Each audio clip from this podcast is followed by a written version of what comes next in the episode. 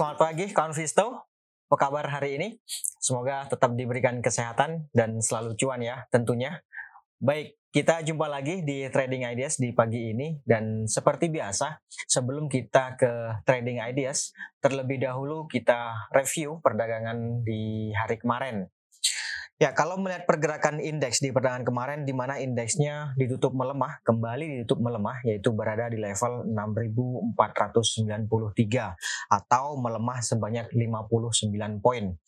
Kalau secara persentase ini melemahnya 0,9 persen, cukup banyak sih. Jadi praktis memang sempat dibuka menguat di awal perdagangan, hanya saja kemudian di pertengahan atau di awal sesi pertama dia mengalami tekanan jual hingga sampai dengan akhir uh, perdagangan. Jadi praktis selama perdagangan kemarin indeksnya berada pada kecenderungan melemah. Nah, sama apa saja yang membawa indeks melemah? Yang pertama ada Bank BCA, kemudian ada Mandiri, lalu ada ASII atau Astra, kemudian ada Bian, dan terakhir ada Telkom. Itu lima besar yang membawa indeks melemah di perdagangan kemarin. Kemudian lima besar yang menghambat laju pelemahan indeks. Yang pertama ada Bank Arto, Bank Jago atau Arto. Kemudian ada BEPS, lalu ada Unilever, kemudian ada Kalbe Pharma, yang terakhir ada Eslis atau Selis. Itu lima besar yang menghambat laju pelemahan indeks. Kemudian dari transaksi asing di perdagangan kemarin asing mencatatkan net sell sebanyak 145 bio. Cukup banyak sih. Uh, ini praktis juga menghentikan apa namanya net buy selama beberapa hari terakhir. Kalau dirinci, asingnya mencatatkan net sell di pasar reguler itu sebanyak 98 bio, kemudian di pasar non reguler asing mencatatkan net sell juga sebanyak 46 bio sehingga total menjadi net sell 145 bio. Apa saja yang banyak dijual oleh asing di perdagangan kemarin? Yang pertama ada Telkom, kemudian ada Bank BCA, lalu ada Bukalapak atau Buka, kemudian berikutnya ada Cepin atau Caron Pokpen, kemudian terakhir ada Care. Itu lima besar yang banyak dijual oleh asing di perdagangan kemarin. Kemudian lima besar yang banyak dibeli oleh asing di perdagangan kemarin adalah Bank BRI, kemudian ada Kalbe Pharma, kemudian ada AALI atau Astra Agro Lestari, kemudian ada Bank BNI, dan terakhir ada Pegas. Itu lima besar yang banyak dibeli oleh asing. Bagaimana dengan outlook hari ini?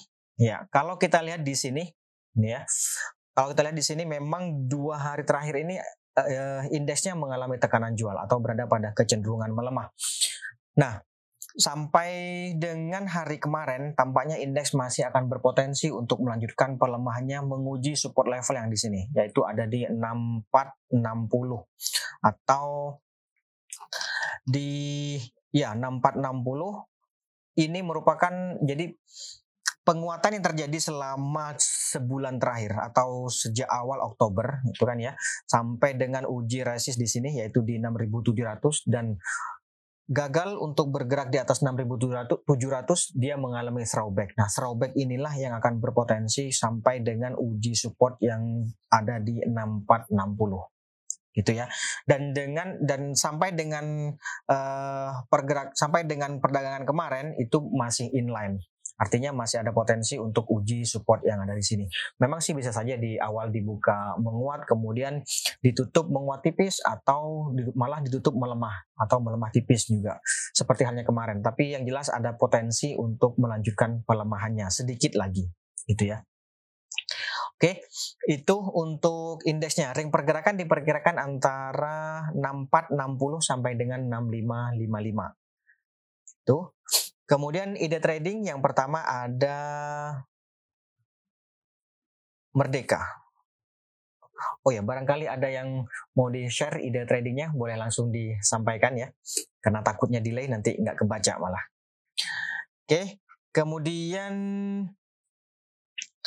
MDKA, oh ya, tadi MDKA ya, MDKA, baik. Nah ini dia, MDKA kalau kita lihat di sini, in, uh, harga kemarin tampaknya mengalami konsolidasi dan mencoba untuk bertahan di atas support level yang ada di 3080. Saya pikir idealnya ini adalah buy on weakness gitu ya. Buy on weakness boleh dipertimbangkan di 3050 sampai dengan 3080. Saya pikir boleh di level-level itu. Atau bahkan kalau misalnya hari ini dia bergerak menguat sampai di atas 3140, saya pikir uh, boleh juga ikutan spekulatif buy. Target penguatannya resisten resisten level terdekat itu ada di 3200, kemudian di atasnya ada 3250. Tuh. Jadi boleh dipertimbangkan buy on witness kalau misalnya dapat harga di 3000 uh, ah, sorry, di 3050 tadi ya. Misalnya dapat harga di 3050 saya pikir cukup sih seharusnya di 3200 take profit gitu ya. Atau kalau dapat harga di 3080 bisa dinaikin juga. Yang jelas resisten levelnya ada di 3200 uh, 3250 atau bisa juga take profit di antara level-level tersebut. Kemudian stop lossnya nanti kalau harga melemah sampai di bawah 2980. Jadi di kisaran sini kawan, saya kasih garis saja. 2980. Sebentar. ini dia. Kalau uh, di bawah ini boleh dipertimbangkan untuk stop loss atau sekalian nanti di bawah sini yaitu di bawah 2 di bawah 2920 gitu. Oke. Itu untuk MDKA. Kemudian berikutnya ada jasa marga. Nah, jasa marga ini saya pikir juga cukup menarik. Kemarin dia sempat uji MA 200, hanya saja belum mampu melewatinya dan kembali ditutup bertahan di 4120. Memang idealnya ini masih buy on witness. Jadi buy on witness boleh dipertimbangkan kalau ini kan support yang cukup kuat nih di sini nih 4040 saya pikir boleh untuk uh, buy on witness di level-level itu. 4040 sampai dengan 4080 bisa dipertimbangkan di level-level itu. Kemudian nanti target take profitnya itu ada di 4240 di level-level sini kawan. Ya 4240 di atasnya ada 4280 bisa juga dipertimbangkan take profit di level-level tersebut kalau dapat harganya di bawah 4100 itu kemudian nanti stop lossnya kalau harga melemah sampai di bawah 3970. Artinya di bawah uptrend line ini. Yang jelas sampai dengan kemarin dia masih mencoba untuk bertahan di atas uptrend line ini. Kalau sudah di bawah ini kan berarti ada potensi untuk mengalami reversal, trend. Meskipun trennya ini sebenarnya minor, tapi uh, ini juga cukup kuat uptrendnya ini. Gitu ya. Itu untuk jasa marga. Kemudian berikutnya ada lagi BMTR. Nah, ini juga menarik saya pikir BMTR ini atau Global Mediacom dulu namanya Bimantara. Makanya kodenya BMTR. Ya, kalau melihat pergerakan harga di perdagangan kemarin dia sempat melemah atau uji support yang ada di 266 saya pikir boleh juga dipertimbangkan buy on witness di level itu juga atau gini buy on witnessnya di 262 sampai dengan 266 itu boleh di level itu 262 264 sampai dengan 266 saya pikir boleh 264 tuh di sini kawan di garis merah ini. 262 di bawahnya satu tik di bawahnya gitu ya atau satu poin di bawahnya. Nah boleh dipertimbangkan untuk uh, buy on ini di level-level itu. Sampai dengan saat ini ini sudah terjadi empat bulan terakhir dia mengalami sideways dan cenderung uh, apa namanya tertahan di level ini. Ini merupakan support kuat ini dua 260 sih support kuatnya. Tapi saya pikir 262 sampai dengan 264 bisa dipertimbangkan untuk uh, spekulatif buy di level-level itu. Target profitnya atau target take profitnya ada di 272 di sini saya kasih garis saja. 272 di sini. Nah, ini dia. 272 sampai dengan 276 di sini kawan. Jadi memang uh, level sideways-nya itu antara 260 sampai dengan 280 lebar sih, cukup lebar. Jadi menarik untuk dibuat uh, trading jangka pendek gitu ya. Oke gitu, kemudian stop lossnya nanti kalau harga melemah sampai di bawah 258 di bawah garis merah ini kawan. Boleh dipertimbangkan untuk uh, apa namanya stop loss. Itu untuk BMTR. Ada lagi sebentar ICBP. Oke. Ini dia ICBP. Ya, kemarin mampu di YouTube menguat. Saya pikir juga menarik ini. Mampu di YouTube menguat, dia mencoba untuk bertahan di atas support level yang ada di 8.800 ini ya. Nah, bisa saja sebenarnya ini spekulatif buy. Tetapi karena uh, apa namanya indeksnya diperkirakan akan mengalami atau cenderung melemah, maka ada baiknya dipertimbangkan untuk buy on weakness. Tapi sebenarnya bisa saja untuk spekulatif buy gitu ya. Kenapa? Karena di sini kan sudah mengalami uh, ini bullish crossover dan bergerak meninggalkan wilayah oversold di atas 20 ini ya. ICBP uh, stokastiknya. Jadi bisa saja spekulatif buy tapi karena pasarnya ada cenderung melemah maka idealnya menjadi buy on weakness gitu ya. Lain halnya kalau misalnya nanti pasarnya ternyata stabil di apa namanya uh, teritori positif boleh juga spekulatif buy atau kalau misalnya hari ini ICBP-nya bergerak di atas 8900 saya pikir boleh juga spekulatif buy gitu berarti kalau dia bertahan di atas 8900 kan berarti dia melewati EMA 20 ini. Jadi boleh juga spekulatif buy kalau harga bisa menguat di atas 8900 uh, ini. Cuman idealnya tadi seperti tadi seperti yang saya sampaikan, idealnya adalah buy on witness. Kalau mau buy on witness bisa dipertimbangkan di 8675 sampai dengan 8775. Saya pikir boleh di level-level itu. Kemudian nanti target take profitnya ada di 9000 sampai dengan 9100. 9000 kira-kira di uh, garis biru ini kawan. Gitu ya, 9100 di atasnya. Coba saya kasih garis 9100. Ini dia 9100. Gitu ya. Oke, itu untuk ICBP. Stop lossnya nanti kalau harga melemah sampai di bawah 8500 di sini kawan. Sampai di bawah ini bisa dipertimbangkan untuk uh, stop loss gitu ya. Oke. Kemudian berikutnya ada waskita. Waskita. Oke, nah saya pikir menarik juga nih waskita nih. Kalau kita lihat, uh, saya kecilkan ya, saya kecilkan mudah-mudahan ini kelihatan. Ini uptrend ya, memang masih minor uptrend, tapi nggak masalah. Ini kan dua bulan setengah lah, dua bulan terakhir lah gitu ya. Dia mengalami uh, tren penguatan dan kemarin memang ditutup melemah, tapi mencoba untuk bertahan di atas uptrend line ini. Sehingga idealnya adalah ini juga buy on weakness. Boleh dipertimbangkan buy on weakness di 890 sampai 900 saya pikir boleh di level-level itu. Kalau melihat ini stokastik yang mengalami bullish crossover dan juga tampaknya bergerak. Nah ini sudah bergerak meninggalkan wilayah oversold. Saya pikir masih ada peluang untuk melanjutkan penguatannya dalam uh, jangka pendek. Tapi sekali lagi idealnya adalah buy on weakness. Boleh di 890 sampai dengan 900 Target take profitnya ada di 935 sampai dengan 950 950 di sini. 935 ya kira-kira uh, high kemarin, level tertingginya kemarin gitu ya. Cukup sih kalau dapat harga di misalnya 890 atau 900 bahkan 900 900 sekalipun nanti take profitnya di 935 harusnya sih cukup ya untuk trading jangka pendek gitu ya. Kalau kurang naikin boleh di 950. Itu untuk waskita. Nanti stop lossnya kalau harga melemah sampai di bawah 875, kira-kira di bawah garis biru ini kawan. Gitu. Gitu ya. Oke. Okay. Kemudian berikutnya ada ICE. nah, ICE ini sebenarnya masih ada tren penguatan. Cuman kemarin pelemahannya tampaknya dia belum mampu untuk bertahan di atas EMA 20. Saya khawatir ini ada kembali uh, mengalami koreksi. Jadi idealnya ini menjadi buy on breakout. Buy on breakout nanti di atas 6000. Kalau harga mampu menguat sampai di atas 6000, saya pikir boleh ikutan untuk uh, spekulatif buy. Sementara itu sebelum dia ke sana ada baiknya ditunggu dulu atau hold. Gitu ya. Itu untuk Astra, resistance levelnya ya paling dekat ada di 6175, di atasnya ada 6250, kemudian 6350 di sini kawan. Gitu. Idealnya tadi seperti seperti yang tadi saya sampaikan adalah buy on breakout di atas 6000 atau ya di atas 6000 6025 sekitar itulah. Ya.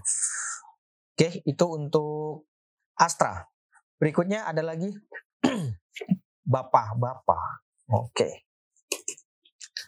Bapak. Oke, nah ini dia Bapak. Kemarin dia mengalami penguatan yang uh, barbar, bisa bilang barbar ini ya pergerakannya ya. Sebentar, kita coba lihat uh, uh, apa namanya jangka panjangnya terlebih dahulu. Nah, ini dia. Waspadai potensi koreksi yang terjadi. Jadi resisten levelnya terdekat ada di 8, 80. Eh, Dia mengalami long white candle gitu ya. Dan biasanya seperti uh, sering saya sampaikan, ketika dia mengalami long white candle akan ada potensi untuk mengalami koreksi jangka pendek gitu ya. Atau uh, apa ya?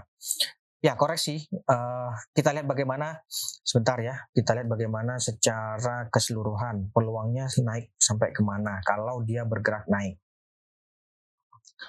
Oke, ini. Nah, nah ini dia. Nggak kelihatan ya? Uh, sebentar. Oke. Resisten level yang kuat itu ada di 80. Penguatan di atasnya saya pikir akan menuju sini kawan. Ini dia. 989. Ya. Jadi kalau misalnya hari ini dia bergerak menguat sampai di atas 80 boleh juga uh, trading buy. Targetnya nanti di 89 itu ya. Tetapi kalau hari ini dia dibuka melemah sebaiknya kalau yang sudah punya mending buang. Kalau dibuka melemah bagi yang mau masuk mending tunggu di bawah ya di bawah 60 sih kalau bisa di bawah sini kawan saya khawatirnya malah uh, uh, apa namanya hari ini bergerak melemah atau bahkan bisa ARB kan cuma 6% ya ARB-nya. gitu. Oke, gitu untuk Bapak. Kemudian berikutnya ada multipolar. Ya, multipolar seperti saya sampaikan sebelumnya, uh, dia kemarin sih memang ditutup melemah, tapi sebenarnya dia mengalami konsolidasi dan mencoba untuk bertahan di atas support level 380. Ini merupakan support levelnya. Idealnya adalah buy on weakness boleh di 380 atau di bawahnya sekalipun di ya 370 misalnya bisa. Tapi menurut saya hmm, mending buy on breakout nanti di atas 412 jadi kalau harga bergerak di atas 412 saya pikir boleh ikutan uh, spekulatif buy. Kalau mau buy on weakness ya bisa saja di 380 atau 3 370 sampai 380 saya pikir boleh buy on weakness di level itu. Hanya saja kalau kita lihat di sini ini kan mengalami bearish crossover di wilayah overbought gitu ya. Jadi dalam jangka pendek memang ada potensi untuk mengalami koreksi. Bagaimana dengan short to mediumnya? Short to mediumnya masih bagus sih. Ini dia. Makanya idealnya atau lebih baiknya adalah buy on breakout yaitu di atas 412. Gitu. Gitu ya. Tapi kalau untuk pegangnya short to medium saya pikir ya bisa saja sih buy bisa saja.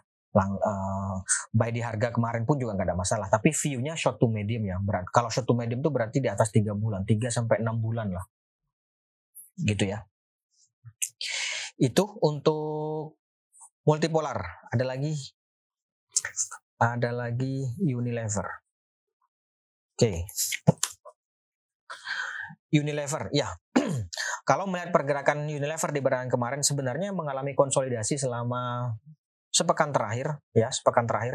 Nah, menariknya adalah nih, stokastiknya sudah mulai mengalami bullish crossover dan tampaknya sedikit lagi berpeluang untuk uh, bergerak di atas 20. Jadi idealnya buy on breakout boleh dipertimbangkan di atas 4570 ya atau resisten level terdekatnya ya di 4 berapa ini 4 ya 4570 4570 bisa dipertimbangkan buy on breakout di level itu kalau mau nunggu di bawah atau saya lebih enaknya buy on weakness ya, kalau mau kalau mau buy on weakness ya bisa di 4240 4240 sampai dengan 4 300 saya pikir boleh buy on weakness di level-level itu. Tapi sekali lagi idealnya adalah buy on breakout di atas 4570. Itu untuk Unilever. Ada lagi? Ada lagi enggak? HMSP. HMSP. Oke. Okay. Nah, HMSP ini kemarin dia ditutup melemah ya. Pelemahan tampaknya belum mampu bertahan di atas ini kawan. Ya, saya kasih garis sini ya. Itu di 10.30. Ya kan? Pelemahan di bawah 10.30 ini akan berpotensi menuju level berikutnya yaitu ada di sini. Berapa ini? 980 sampai dengan 950. Jadi idealnya bagi yang tertarik boleh dipertimbangkan untuk buy on weakness bisa di 950 sampai dengan 980 di level-level itu. Atau kalau hari ini dia mampu menguat sampai di atas 10.30 artinya dia kembali di atas uh, support level kemarin which is berarti sekarang menjadi resisten itu berarti boleh dipertimbangkan untuk uh, spekulatif spekulatif buy gitu ya jadi idealnya sekali lagi, idealnya ini adalah buy on weakness, boleh dipertimbangkan di 950 sampai dengan 980. Tapi kalau hari ini dia mampu bergerak menguat sampai di atas 1030, boleh juga dipertimbangkan untuk spekulatif buy. Nanti targetnya di berapa? Targetnya di sini, paling dekat 1060. Kemudian uh, sebentar, saya kasih garis. Ini dia. 1065 ya paling dekat 1065 kalau kalau dia kalau kita dapat harga di atas 1030 bisa dipertimbangkan untuk take profit di 1065 tapi memang idealnya take profit itu idealnya di 1110 1110 di sini kawan. Gitu ya. Itu untuk HMSP ada lagi ada lagi nggak? Ada lagi nggak Oke, kemudian berikutnya ada lagi BRMS. Ya, BRMS di perdagangan kemarin sebelumnya kan dia mampu menguat nih dua hari, dua hari, dua ha, tiga hari terakhir, tiga hari candle ini ya. Ini dia mampu menguat ditandai dengan white candle ini ya kemudian uji resist yang ada di 105 hanya saja kemarin belum mampu keluar di atas itu. Jadi kembali melemah bahkan dia pelemahannya di bawah uh, eh, 100 sehingga idealnya kalau menurut saya ini idealnya adalah buy on witness bisa dipertimbangkan di 96 ah sorry. Di ini ya 96 di 96 sebentar ini saya kasih garis begini nah di 96 atau di bawahnya yaitu di 92 jadi 92 96 itu merupakan uh, support level terdekatnya. Atau kalau hari ini dia kembali bergerak sampai di atas 101 gitu ya. 101 nih. Saya pikir boleh dipertimbangkan untuk spekulatif buy nanti targetnya di 105 gitu. Jadi kalau misalnya dia hari ini menguat, kembali menguat sampai di atas 101 ini, bisa kita ikutan spekulatif buy. Nanti pasang take profitnya bisa di uh, eh, 104 atau 105. Gitu ya. Itu untuk BRMS. Berikutnya ada lagi BBHI. Oke, siap. Ini BBHI. Ya, BBHI hingga dengan saat hingga dengan perdagangan kemarin dia masih mengalami konsolidasi. Nih ya. Nih, kemarin dia mam, uh, sempat bergerak menguat sampai 6100 hanya saja kemudian mengalami tekanan jual dan bertahan atau menguat dua poin hanya dua poin yaitu berada di 5950 saya pikir idealnya buy on weakness itu di 5650 kalau mau buy on weakness jadi boleh dipertimbangkan buy on weakness di 5650 ini ya karena konsolidasinya di level-level itu atau kalau hari ini dia bergerak lagi dia menguat di atas 6100, saya pikir boleh juga ikutan spekulatif buy lagi. Targetnya untuk jangka pendek itu ada di 6375. Jadi kalau sekali lagi idealnya adalah buy on weakness, tapi kalau hari ini dia mampu menguat sampai di atas 6100, boleh dipertimbangkan spekulatif buy, nanti targetnya untuk jangka pendek di 6375. Kalau untuk short to medium, ini tren masih menguat. Kita lihat short to mediumnya. Tren masih menguat, idealnya uh, take profit ada di 6.600 atau ya ada peluang sih memang ke 7.075, tapi itu untuk short to medium. Untuk short termnya saya pikir uh, apa namanya bisa dipertimbangkan take profitnya di 6375 gitu. Oke, okay. itu untuk BBHI. Kemudian ada lagi ada lagi nggak? BGTG. Oke, BGTG. Kemarin juga sempat saya singgung BGTG.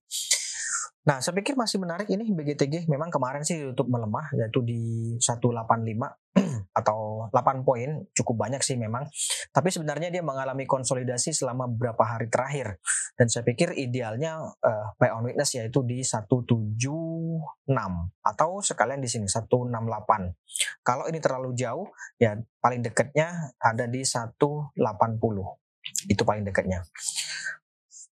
Resisten level terdekat ada di 195.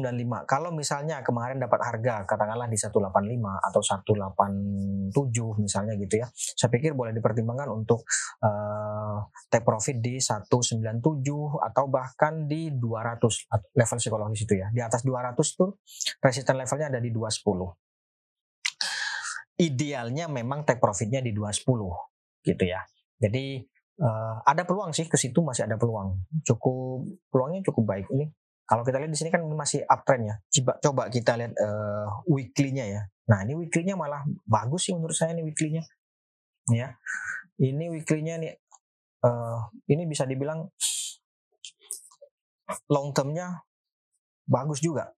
Iya. Jadi uh, untuk short to medium ini bisa buy atau spekulatif buy 185 juga oke. Okay. Tapi sekali lagi untuk short termnya ini memang idealnya adalah buy on weakness gitu ya. Kalau hari ini dia mampu menguat sampai di atas tadi 195 ya, 195, 197 boleh juga ikutan spekulatif buy.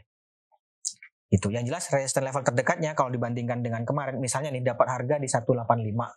Saya pikir bisa sih take profit 195, 197 atau uh, level psikologis 200 bisa atau mau buy on breakout di atas 200 di atas 195 juga boleh juga nanti target, target take profitnya di uh, eh, 210 atau di atasnya ada 224 gitu. Gitu ya. Untuk uh, eh, BGTG ada lagi? Ada lagi nggak? Ada lagi nggak? Ada lagi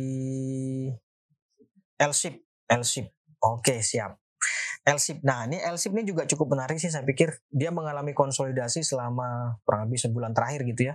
Kemarin mampu untuk menguat, tapi memang uh, resistance levelnya sudah ter, sudah dekat yaitu ada di 1475 sehingga ini rekomendasinya menjadi trading buy. Artinya risiko sudah mulai meningkat gitu ya atau lebih besar dibandingkan dengan return uh, yang expected returnnya gitu ya supportnya itu ada di sini nih 1350 makanya kenapa saya sampaikan bahwa ini resikonya lebih sudah lebih besar karena supportnya cukup jauh yaitu ada di 1350 sementara resistnya ada di sini. Berapa ini?